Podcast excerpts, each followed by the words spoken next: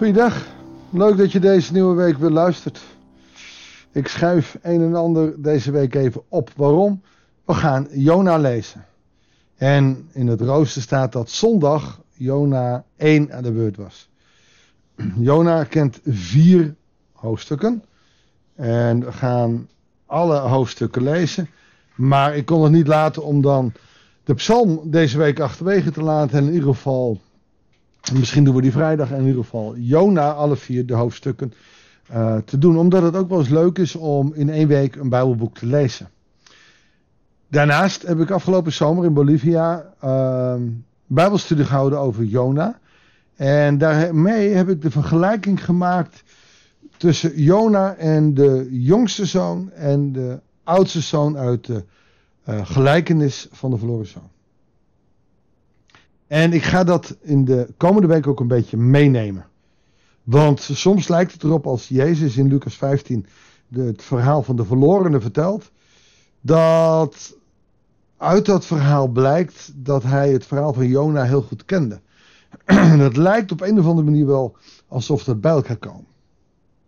En dan zal je ook zien dat het verhaal van de verloren zoon niet over twee zoons gaat, maar over twee verschillende talen in jou. Zoals ieder mens verschillende kanten heeft, zo heeft dat verhaal de verschillende kanten. Maar zo kent ook Jona de verschillende kanten. Ik hoop dat je in deze week ook met me meegaat op zoek naar de wonderenwereld van de Bijbel, die door Jezus in het Nieuwe Testament vergeleken wordt met het verhaal van het Oude Testament. Goeiedag, hartelijk welkom bij een nieuwe uitzending van het Bijbels Dagboek. We lezen Jona 1. De Heer richtte zich tot Jona, de zoon van Amittai. Maak je gereed en ga naar Nineveh. Oh, wat gebeurt hier? God roept Jona. Dat betekent dat hij dus klaarblijkelijk iemand is die een geroepene is. En in het Oude Testament is dat dan een profeet. Jona wordt geroepen om Gods woord te verkondigen. Hij moet naar Nineveh. Nou, als we dan de laatste tijd toch met de adres kunnen was. Dat ligt in Assyrië. Assyrië uh, is het land wat we nu zouden zeggen Irak. Dat is het noorden van Irak. Nineveh ligt ook in het noorden van Irak. Um, en ligt op de handelsroute van Canaan via Haran. Dan kom je naar Nineveh, ga je iets naar het zuiden. En dan langzaam ga je naar beneden en dan kom je langs Babylon en Ur. Ur kennen we van Abraham, Babylon kennen we van het Babylonische tijdstip. En dan kom je, Nineveh ligt iets noordelijker dan de Hof van Eden moet hebben gelegen, tussen de Eufraat en de Tigris. Uh, Nineveh ligt aan de Tigris, maar noordelijker dan de kruispunt tussen uh, de Eufraat en de Tigris. Nineveh is een grote stad, een wereldstad vol economie, vol wetenschap, belangrijke stad voor die tijd en de hoofdstad van Assyrië. Later zien we dat de Babyloniërs uh, het grote rijk worden. En dan wordt Babylon of Babel de hoofdstad. Maar in de Assyrische tijdperk is dat Nineveh. En het is een stad vol verderf. Nou, dat moeten we weten. En nou zegt God tegen Jona: ga naar Nineveh. Ga ze daarheen om aan te klagen, want ik heb gezien hoe haar inwoners zich misdragen. En dan lezen we iets op mij. Jona maakt zich gereed. Maar vluchtte naar Tarsus. Weg van de Heer. Hij ging naar Java en vond er een schip met de bestemming Tarsus. En betaalde de overtocht en ging aan boord om mee te varen naar Tarsus. Weg van de Heer. Waarom zou hij dat doen? Allereerst is hij een profeet. En de profeten waren aangesteld om het woord van God, de boodschap, of het nou leuke of een niet leuke was, in Israël gewoon bekend te maken. Israël moest weten wie haar God was. En zomaar out of the blue lijkt het wel, of God zegt, nou ga je naar die grote wereldstad, naar die goddelozen, naar die heidenen. En, en het Assyrisch volk was echt, echt bij de heidenen af hoor.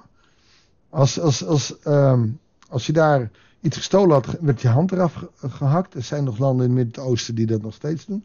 Maar ook uh, als iemand uh, jou niet beviel, dan stak je je neer en uh, werden al je ledematen eraf gehakt. En, en, daarna werd je pas vermoord. En ze hadden die Ashion-palen waar een, wat opgestoken wordt. Denk aan het verhaal van Esther.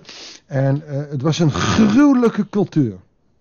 Dus gerust mag je zeggen, godloze stad. En het is zo'n stad waar je niet heen zou durven. Dus eigenlijk beginnen we dan ook Jona te begrijpen, daar wil ik niet bij betrokken zijn. Maar de Heer wierp een hevige storm op de zee en de zee werd zo wild dat het schip dreigde te breken. De zeelieden werden bang en iedereen riep tot zijn eigen God om hulp. Ook gooiden ze om het gevaar af te wenden de lading in zee. Maar Jona was in het ruim van het schip afgedaald, was daar gaan liggen en een diepe slaap gevallen. Je ziet de paniek. Jona gaat zijn eigen weg. Die trekt zich nergens wat van aan. Ook niet van die storm, die gaat lekker slapen. Het zal mijn tijd wel duren. Meteen heb je hier de eerste overeenkomst met de jongste zoon. Die trekt zich niks aan van de vader.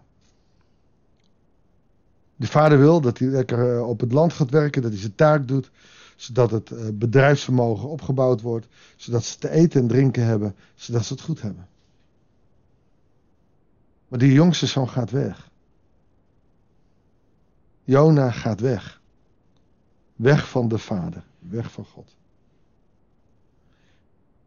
We gaan terug naar Jona. Die ligt te slapen. En de schipper ging naar hem toe en zei tegen hem: Wat lig je hier te slapen? Sta op, roep je God aan. Misschien dat hij zich om ons bekommert, zodat we niet vergaan. Er was er één die lag te slapen, die had zijn God nog niet aanbeden. En dat deden ze allemaal. Alle goden, afgoden werden aangeroepen. Intussen overlegden de zeelieden, laten we het lot werpen om te weten te komen wiens schuld het is dat deze ramp ons treft. Niemand durfde te zeggen dat hij verkeerde dingen gedaan, dat hij al tijd niet gebeden had. Niemand durfde te zeggen. En in die tijd werd het lot geworpen. En als het lot op jou kwam, dan ging je met je billen bloot, want dan durfde je niet te zeggen, uh, dit heb ik gedaan of dit heb ik niet gedaan. Ze wierpen het lot en het lot viel, uh, viel op Jona. En toen zeiden ze tegen hem, vertel ons, hoe komt het dat deze ramp ons treft? Wat doe je hier aan boord? Wat kom je vandaan? Uit welk land kom je? Bij welk volk hoor je? Allemaal vragen. Ze zijn in paniek. En Jona antwoordt heel rustig. Hij weet, het lot is op mij gevallen. Hij weet, ik ben verkeerd. Dus hij antwoordt, ik ben Hebreeër. En ik vereer de Heer, de God van de hemel. De God die zee en het droge gemaakt heeft. Deze profeet weet voor wie die werkt. Maar deze profeet weet inmiddels ook voor wie hij weggerend is. En hij kent opeens het wonder van die storm. Dit is van de Heer. De mensen daar aan boord werden nu nog veel banger. Want ze hadden van deze God gehoord dat hij was weggevlucht van de Heer. Konden ze niet snappen. Hoe kun je van de God van de Hebreeën wegvluchten. Want zij kennen hem niet anders dan een God die andere volkeren gewoon kan verdelgen. Kijk maar naar de intocht. Ze hebben het gekregen. Ze hebben het uh, overdrachtelijk gekregen. Nooit ruzie maken met Hebreeën, want zij hebben een machtige God. En nu is hier eentje die is ervoor weggevlucht. En ze vroegen hem, wat moeten we met je doen? Dat de zee ons met rust laat. Want de zee werd hoe langer hoe onstuimiger. Hij antwoordde, gooi me in zee dan zal de zee jullie met rust laten. Hier is hij niet de jongste zoon. Hier is hij niet de oudste zoon. Hier is hij, heeft hij iets van de eigenschap van de vader. Gooi mij maar in zee. Oftewel, Jezus zegt, laat mij maar sterven. Dan zal de storm jullie met rust laten. Dan zal het kwaad jullie met rust laten. Want ik weet dat het mijn schuld is dat de storm zo tegen jullie tekeer gaat, zegt Jona. En Jezus zegt, ik weet dat het mijn schuld niet is, maar ik neem de schuld op me. Dat is de wachtende vader. Die neemt de schuld op zich. Maar de mannen roeiden uit alle macht om weer aan land te komen. Dat lukte echter niet. En toen riepen zij tot de Heer. En hier gebeurt een wonder. Jona vlucht voor God. Want die moet naar Nineveh. En in die vlucht gebruikt hij Jona. Gebruikt hij het negatieve verhaal van Jona. Om het te goede te keren, want ze roepen tot God. Ach Heer, laat ons toch niet vergaan. als wij het leven van deze man opofferen. Reken het ons niet aan als hier een onschuldige sterft. U bent de Heer. Al wat u doet, doet u. Toen tilden ze Joon op, gooiden hem in zee en woede van de zee bedaarde. En dan gebeurt er wat. De mannen werden vervuld van bang ontzag voor de Heer. Ze brachten hem een offer en deden hem gelofte. Deze mannen komen tot bekering. Ik moet denken aan spreuken 6 vers 2. Of 16 vers 2. Nou moet ik even eraf zijn. Een mens doet in zijn eigen ogen altijd wat goed is. God ziet het hart aan. Je kan, als God je naar rechts roept, naar links gaan. God gaat met je mee. En ook dan hij je te gebruiken. Weet je, ons hart moet op God gericht zijn. Soms weten mensen niet, en moet ik heen. Moet ik nou dit doen, moet ik nou dat doen? We vragen God, Heer wil wijsheid geven. Zorg dat je hart op God gericht is. En God gebruikt jou in elke situatie die je tegenkomt. Waar dan ook. Maar doe nou net als deze mannen. Word vervuld van ontzag. Hier staat bang ontzag voor de vrezen des Heren. Hij is de God die hemel en aarde gemaakt heeft. Hij kan met een knip van de vinger, kan hij zo alles kapot laten gaan. Dat doet hij niet, maar kan het wel. Heb ontzag voor de schepper van hemel en aarde. En breng hem dan offers. En doe hem gelofte. Durf jij hem vandaag een gelofte te geven? Laten we bidden. Heere God, we komen voor uw aangezicht. En ieder mag voor zichzelf een gelofte vandaag doen aan u. Wat beloof ik u? Heer, en leer ons dan dat niet uit clichés te doen, om u braaf te volgen, om te doen wat u wil is. Maar laten we dan ook echt iets geloof, gelofte doen, waar u wat aan heeft, waar wij wat aan heeft, hebben. Heer, leer ons zo dat wij mogen veranderen door ons leven te geven aan u.